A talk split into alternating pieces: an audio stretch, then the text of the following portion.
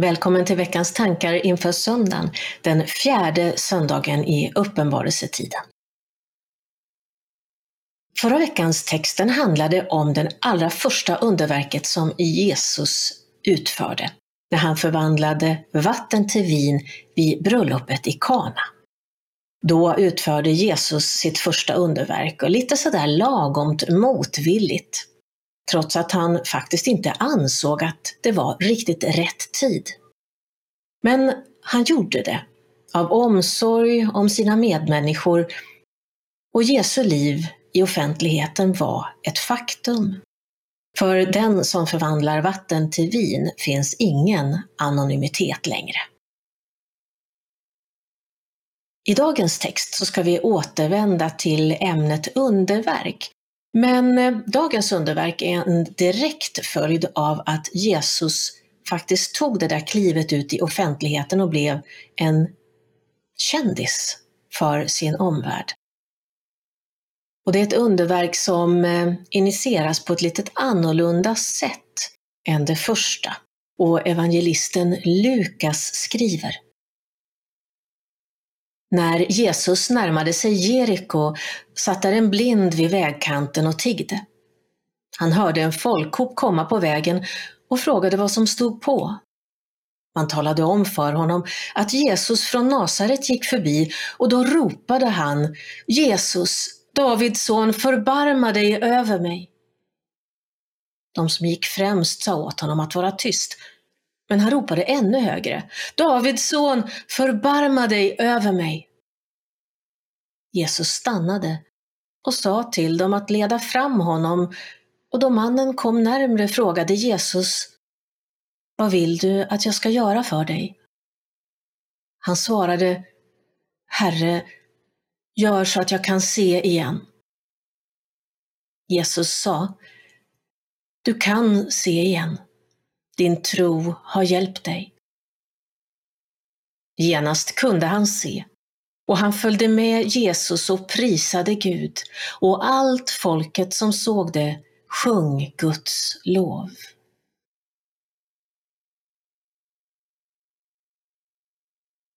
Hur stor är chansen? Är det värt det?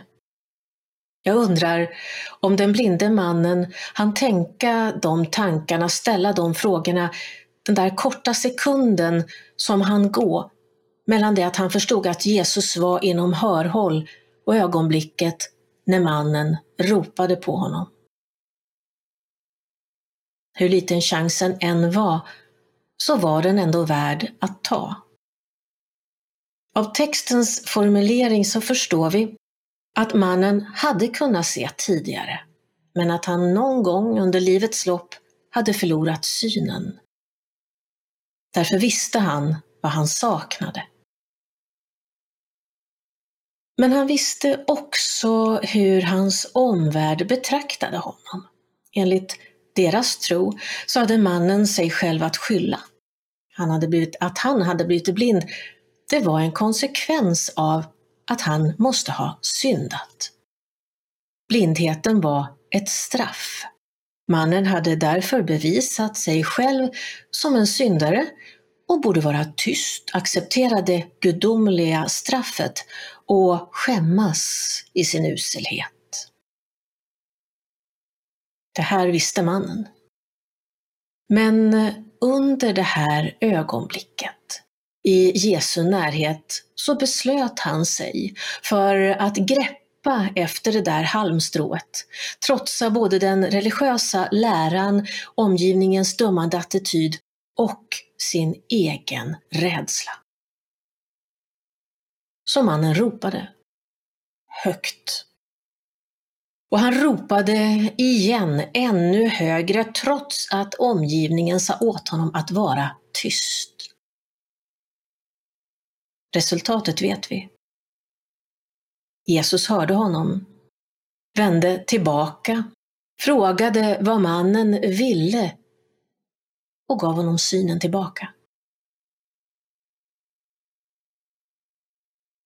Om vi bara läser den här texten så är det ett underbart underverk.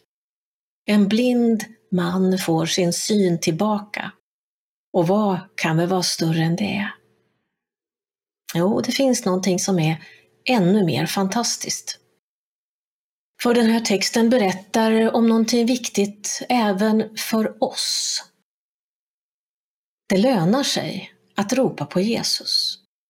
Ja, det inte bara lönar sig, vi ska ropa på Jesus. Vi ska ropa och vi ska ropa även om vi behöver ropa så högt och vara så besvärliga att vår omvärld säger åt oss att vara tyst. För i de där stunderna, när du och jag är den där mannen vid vägen, när det är vi som känner oss begränsade, övergivna, fyllda av skuld och kanske till och med skam. När vi är i behov av gudomligt ingripande i våra liv, ja, då ska vi inte vara tysta. Då ska vi ropa på Gud. Vi ska ropa högt och envist och inte dölja vad det är vi faktiskt behöver. En sak är nämligen klar. När Gud hör oss kommer han inte att gå förbi oss.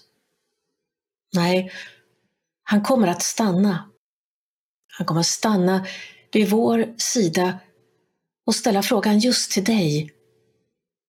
Vad vill du att jag gör för dig? I det ögonblicket, i mötet mellan den bedjande människan och den lyssnande guden, i det ögonblicket kan underverket ske. Gud Välsigna dig.